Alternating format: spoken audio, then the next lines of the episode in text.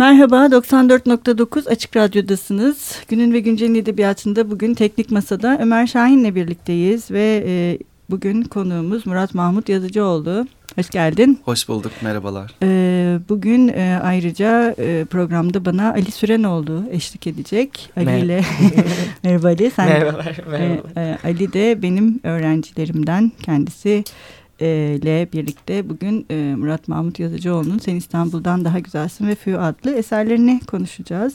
E, kısaca ben size Murat Mahmut Yazıcıoğlu'nu tanıtayım.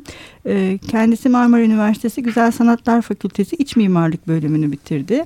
Stüdyo oyun, oyuncularında oyunculuk eğitimi aldı. Kadir Has Üniversitesi Film ve Drama bölümünde yüksek lisans yaptı. İlk sahnelenen oyunu Şekersiz'i yan etki tiyatrosunda yönetti ve oyunun oyuncu kadrosunda yer aldı. İlk yazdığı oyun Fü ise Mayıs 2014'te İstanbul Uluslararası Tiyatro Festivali'nde ilk gösterimini yaptı ve ardından birçok kez sahnelendi. Ağustos 2016'da BAM Tiyatro'yu kurdu. Sen İstanbul'dan Daha Güzelsin oyunuyla 2016-2017 sezonunda yılın yerli oyun yazarı seçildi. Son olarak Sevmekten Öldü Desinler adlı oyunu kaleme aldı. Tabii bu kitaptaki evet, e, bundan sonrakilerde. 2017 yılında evet. çıktığı için 2017'de e, 2017'ye kadar yaptıklarım yazıyor. Yani güncelleyelim. Biyog, şöyle bir güncelleyelim. Kadercan e, evet. adlı oyunu yazdım bu kitap çıktıktan sonra geçen sene. E, ve bu sezon e, sahnelendi. Sahnelenmeye devam ediyor. Ödül de aldı o da. E, evet oyuncumuz ödül de aldı. Çok güzel bir serüvenle tekrar beraber olduk oyuncu, oyuncumuzla beraber. Seneye de devam edecek. Bu, Ve Sen İstanbul'dan Daha Güzelsin de son gösterimleri bu sene üçüncü sezonunda. Hı. Lütfen kaçırmayın diyelim. Evet, yani buradan. Ben de söyleyeyim lütfen kaçırmayın son altı oyun. evet. E, bu arada e, oyunu da konuşacağız ama önce biraz metinleri e, konuşacağız. Hı hı. E, sen başlamak ister misin Ali? Yoksa ben siz, mi başlayayım? e, biz e, bu oyunları yani derste okuduk ve e, çok etkilendik. Ee, şöyle de bir e, aslında yol çizmiştik kendimize. Çağdaş oyun yazarlarını hem okuyalım hem izleyelim. Böylece hani bir metnin e, performa edildiğinde neye dönüldüğünü, dönüştüğünü hı hı. de e, görebiliriz bu şekilde diye düşünmüştük. E, şimdi e, sen kadın hikayeleri anlatıyorsun. Bence yani Fü ve Sen İstanbul'dan daha güzelsin de görünür şeylerden biri ve bu çok iyi yani kadın hikayeleri anlatısı e, anlatıyorsun ve şöyle bir tek teknik de var. Aslında bize bir kurgu vermiyoruz. Hı hı. Bir kurgu yok. E, bu e, biz e, zaman zaman birbiri içine geçen hikayeler ve konuşmalarla aslında ne olduğunu olayın aslında belki de hiç başını görmesek hani üç kadın birbirleri arasındaki ilişkilerin de ne olduğunu sonrasında fark ediyoruz. Hı hı. E, bu e, şey mi e, daha çok sahneyi düşünerek yazılan bir şey mi Tabii. yoksa Evet. Yani tamamen sahneyi düşünerek e, ilk hı hı. yazdığım oyundan itibaren e, öyle bir nasıl söyleyeyim öyle motivasyonla yazıyorum. Çünkü sahnede hayal ediyorum.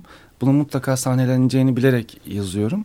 O yüzden e, Fü'den başlayarak aslında son oyunlara doğru evrilen süreçte daha fazla sahneyi düşündüğüm için tabii ki yıllar geçiyor, e, bilginiz artıyor, daha fazla şey izliyorsunuz e, klasik metinlerin dışında daha başka şeyler ilginizi çekebiliyor.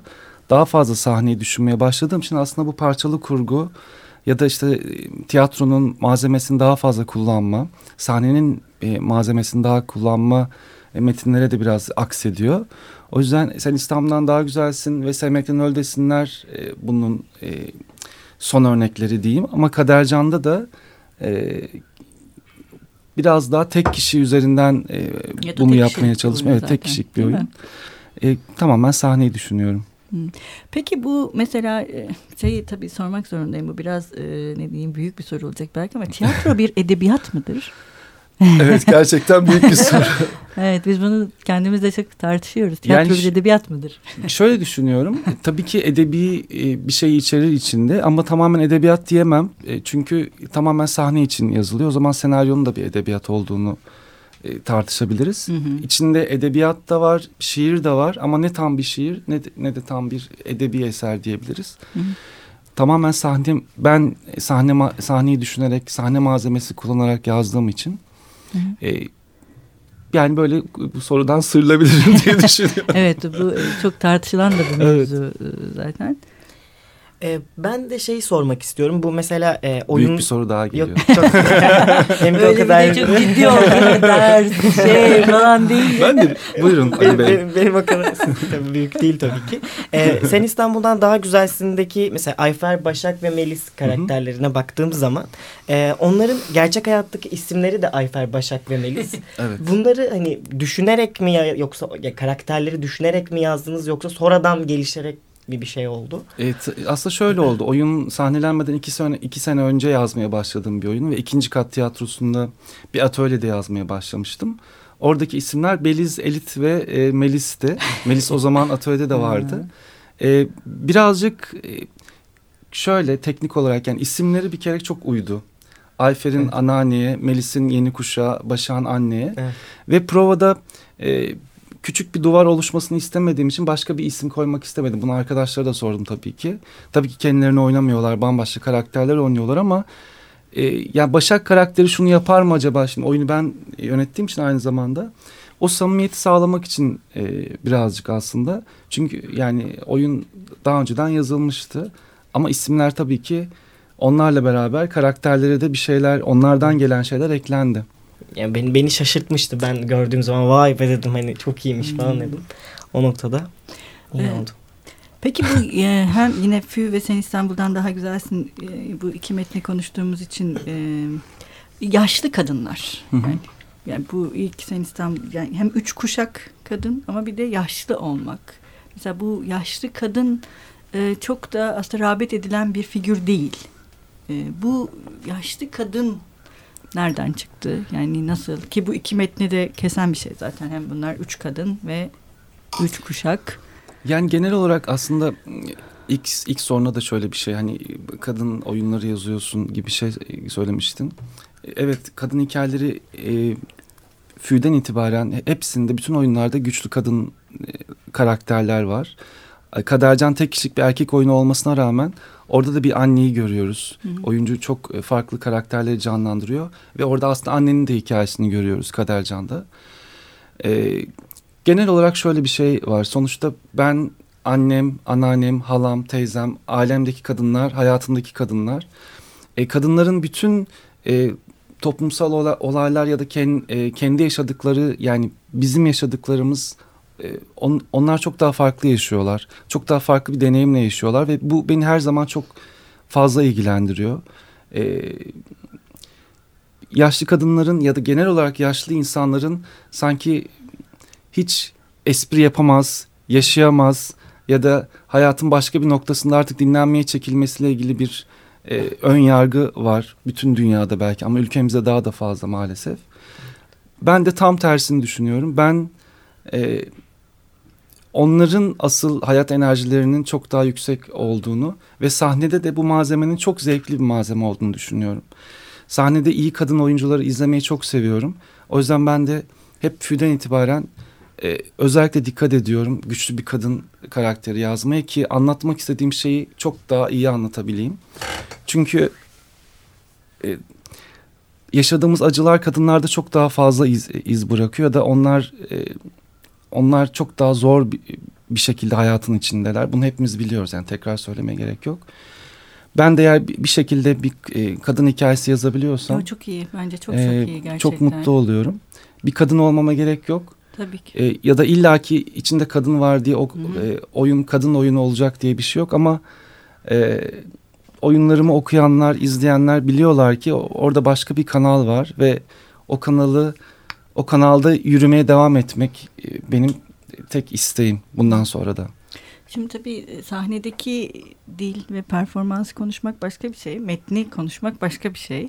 Tabii. Ee, biraz bu metnin dilinden de bahsetmek gerekiyor galiba değil mi Ali? Ne diyorsun? metnin dili yani... Aslında her iki metninde değil mi? Evet metnin dili metin okun yani okunulduğu zaman benim için anlaşılır bir metin oldu. Hı hı. Ama e, yani bence çok da e, düzden ziyade altyapısı olan da bir metin gibi hissettim. Yani okudukça ben bir şeyler alabildim. Bu noktada anlaşılması kolay ama alt metni de yoğun olacağını evet. düşündüğüm Son bir derece metin sade oldu. yazılmış fakat çok katmanlı bir metin çok, aynı zamanda. Evet. Ne güzel. Ve bu, bu işin ustalığı gibi geldi ve bu beni çok şey yaptı yani mutlu etti. Sizi araştırmak, size bakmak gereği hissettim kendimde. Bu noktada teşekkür ediyorum bu vesileyle. ben de teşekkür yani ederim. şu çok zor bir şey sanırım değil mi? Ee, yani herhalde sadece oyun metni yazarken değil diğer bütün metinlerde de e, hem yalın olabilmek ama o yalınlıkla aynı anda birçok şeyi aktarabilmek. Bu son derece zor bir şey ve e, aslında iyi bir oyun yazarı bunu e, yani iyi bir oyun yazarı olmanın bilmiyorum belki de herhalde yollarından birisi bu.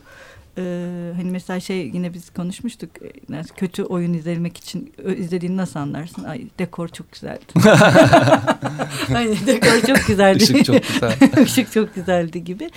Ee, bu dil e, nasıl ortaya çıktı? Çünkü gerçekten bu özel bir dil. Teşekkür ederim. Yani e, ne güzel bunları duymak çünkü şimdi şey böyle bir şey duygusal da yaşıyor. Bir oyun yazarı ya da herhangi bir yazar olarak sonuçta bir masanın üstünde yazdığınız bir şeyin sahneye aktarılması zaten çok güzel bir şey. Bir de hiç tanımadığınız ve yeni tanıştığınız birinden böyle şeyler duymak çok zevkli bir şey. Ee, tabii ki bu işe kafa yoran birilerinden duymak daha da mutluluk verici. Ben sahnede izlemekten keyif almadığım e, bir dili ya da bir biçimi kendi oyunlarımda yazmamaya çalışıyorum. Sadece öyle bir meselem var. Ee, bir film izlerken de bir kitap okurken de neyin e, neyin beni içine çektiğini biraz keşfetmeye çalışıp gerçekten kendi yazdığım şeyde e, tekrar tekrar okuyup yazdıktan sonra belki de e, bunları elemeye çalışıyorum. Senin dediğin gibi e, ben de bir metni okuduğum zaman önce anlamak istiyorum. Evet. E, belki sonra tekrar okuyup alt metnini keşfetmek istiyorum. Ama burada neler oluyor? Acaba niye böyle bir şey yapmış? O fazlaca şiirden, e, fazlaca abartıdan o hayat yani metnin gerçek meselesinin görünmemesi gibi bir şeyi tercih etmemeye çalışıyorum. Biraz yazar olarak her zaman kendimi geri çekmeye çalışıyorum. Çünkü eninde sonunda bunu oyuncular oynayacak sahnede ve oyuncu için çok açık bir malzeme olması gerekiyor keşfetmesi için. Ee, ben sevdiğim şeyi yapmaya çalışıyorum açıkçası. Bununla ilgili de biraz kafa yoruyorum tabii ki. Hı. Sevdiğim yazarları okumaya, onları izlemeye e, çalışıyorum. Evet. Böyle bir yolculuk.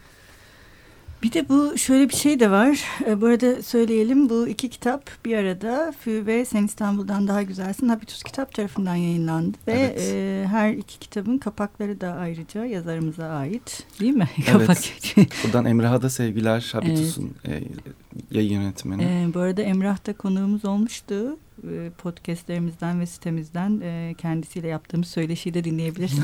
buradan buradan bunu da hatırlatalım. Çok hoş sohbet bir insandır kendisi. Öyle gerçekten. bir de yani oyun basması. Evet, yayın evinin. Evet, kesinlikle. Bir de e, hem de böyle çağdaş, çağdaş oyun yazarlarının kitaplarını basması ve biz çok bu değerli. kitapları hepsini okuduk. Okuduk. böyle. Ee, çok önemli. Şimdi bir de şu benim dikkatimi çekmişti. Tabii bu kapakta e, senin tarafından yapıldığını öğrenince hı hı. bu her iki metin de 79 sayfa. bu bir tesadüf müdür?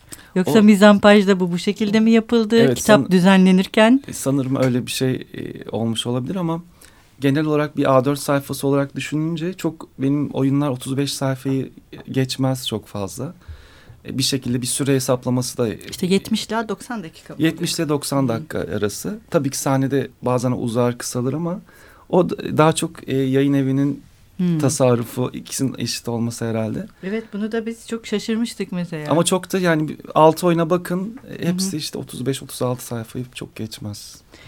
Ee, Niye acaba bilmiyorum. Yok belki de az kişiyle oynandığı için. Belki Sen, evet. Ali sormak ister misin? Ben, ee, yani ben yine Metin'le alakalı bir soru sormak isterim. Buyurun Ali Bey. şey e, bu mesela biz arkadaşlarımızla izledik ya da üzerine konuştuk falan onların da çok fazla sorduğu bir soru oldu bana sen ne düşünüyorsun gibi. Siz de burada yakalamışken size de sorayım. e, bu Metin'in Sen İstanbul'dan Daha Güzelsin metnindeki zombiyi e, çok fazla geçirmeniz ve zombinin ne anlam ifade ettiğini size sormak doğru mu olur bilemedim ama yine de yine de sorayım.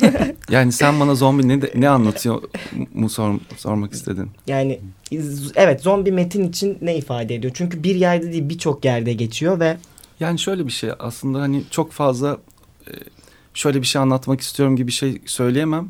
Çünkü e, kafamda çok net değil. Hı hı. E, böyle bir şeyler uçuşuyor bazen.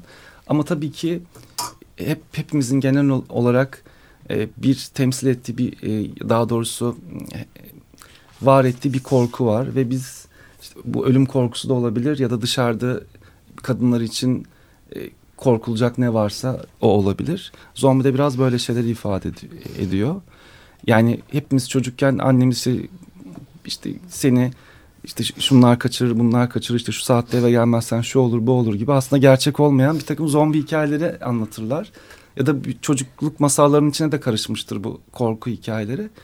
Biraz öyle bir şeyi e, ifade ediyor.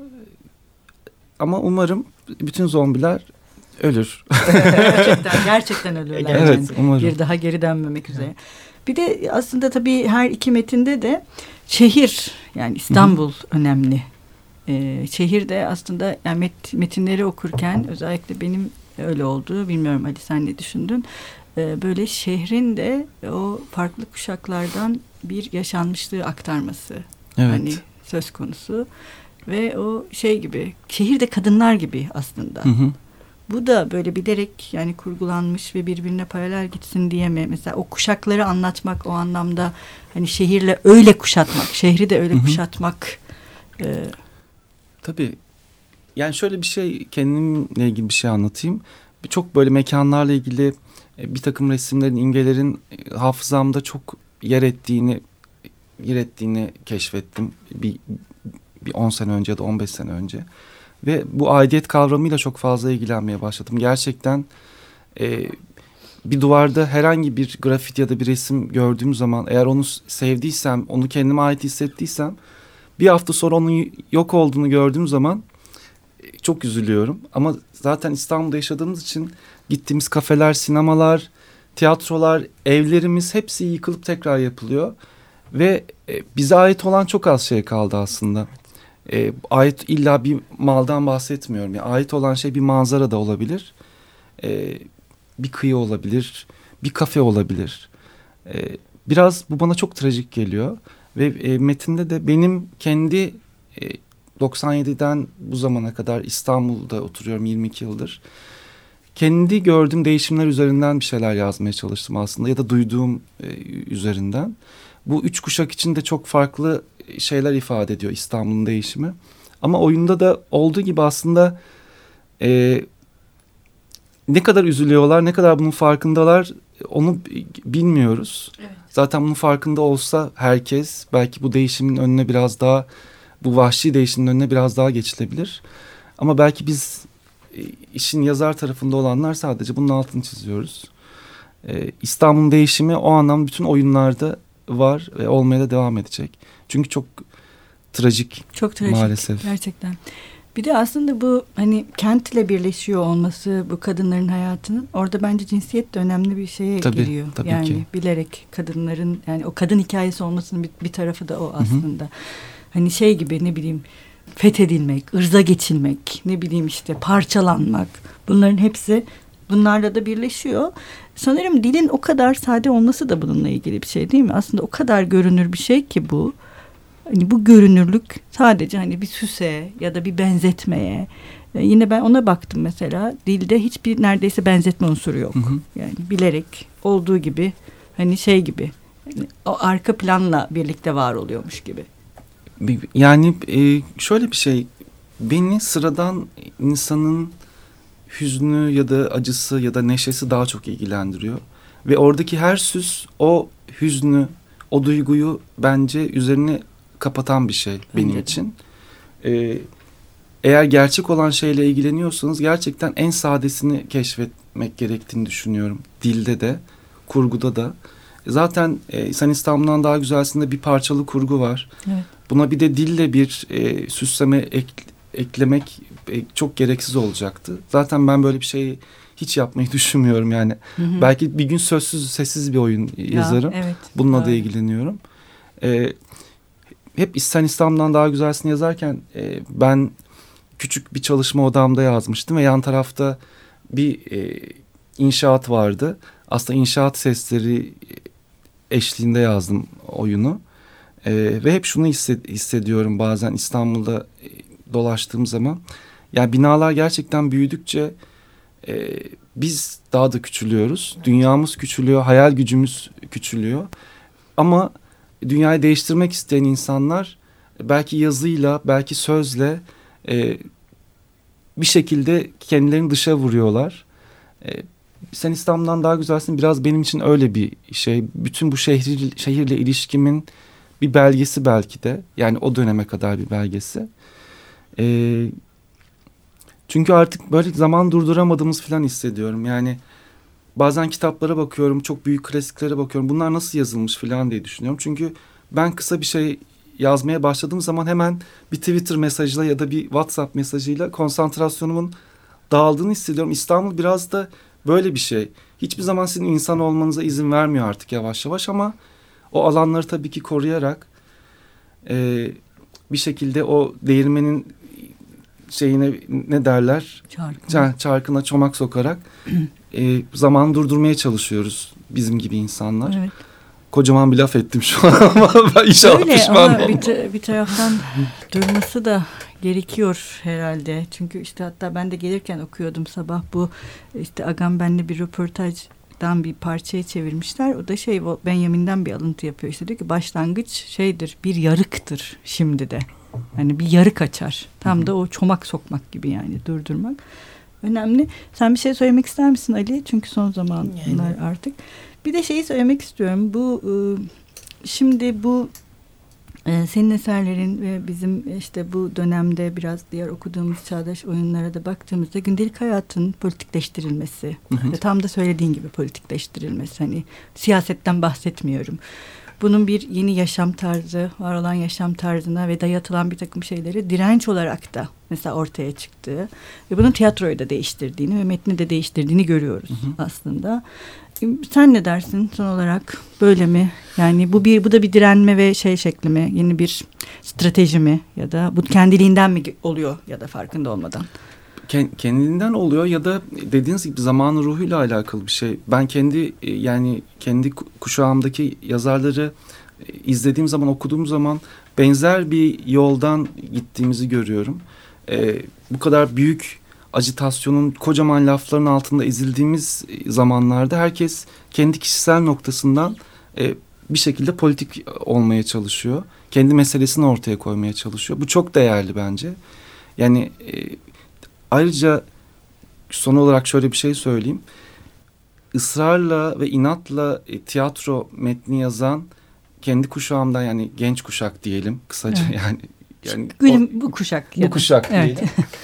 Bu çok değerli bir şey. Bu de. ileriye kalacak Çok. olan şey bu. Yani beşinci, altıncı oyunlarını yazıyor insanlar. Çok iyi bir şey. evet. Ee, ve bu çok değerli bir şey. Tiyatro için de çok değerli, seyirci için de, gelecek için de. Evet, Umutla, yazmaya umutla de- bitirdik evet. yazmaya devam. Yazmaya devam diyerek bitirelim. Ee, şimdi biz e, hep yazarlarımızın okuduğu bir bölümle ya da bir sayfayla bitiriyoruz e, programımızı. E, maalesef sen bugün sadece Fü ya da Sen İstanbul'dan daha güzelsinden e, okuyabilirsin. o Güzel yüzden e, çok güzel Çok oyunlar. güzel, evet. Buradan e, tekrar söyleyelim. Bugün e, 94.9 Açık Radyo'da Günün ve Güncel'in edebiyatında Murat Mahmut Yazıcıoğlu ile birlikteydik ve Ali Sürenoğlu ile birlikte kendisiyle Sen İstanbul'dan Daha Güzelsin ve Fü kitaplarını konuştuk. Ee, bu kitaplar ikisi bir arada Habitus Kitap tarafından yayınlanıyor. Çok teşekkür ederiz. Ben burada teşekkür ederim. Için. Sağ ol Ali. Çok teşekkürler. Hoşçakalın. Görüşmek üzere. Al tiyatronu başına çal. Devrimini de, gösterini de, ceketini de al. Allah kahretsin dedim. Ayrıca Allah da var. Ben hiç inanmadım zaten olmadığını diye bağırıp tramvaya bindim. Baktım bu hala el sallıyor. Kafamı çevirdim hiç bakmadan. Tramvay uzaklaşınca bir arkamı döneyim dedim. Sibel. Ne var arkada? Arkamı bir döndüm. 40 sene geçmiş. Ertesi gün çok aradı evden. Sabah gelecekmiş aslında ama gelmeye korkmuş. Sonra arkadaşları anlattı. Ben yokum tanımıyorum dedirttim anneme. Annem de işine geliyor tabii. O sabah bana ulaşamamış.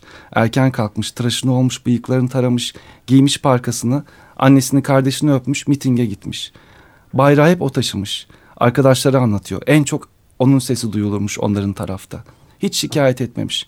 Sırılsıklam terlemiş, gıkı bile çıkmamış. Onu hiç öyle coşkulu görmemişsinizdir dediler. Silah seslerini duyduklarında herkes kaçışırken onlar arada kalmışlar. kalabalık onları istemedikleri bir yere sürüklemiş.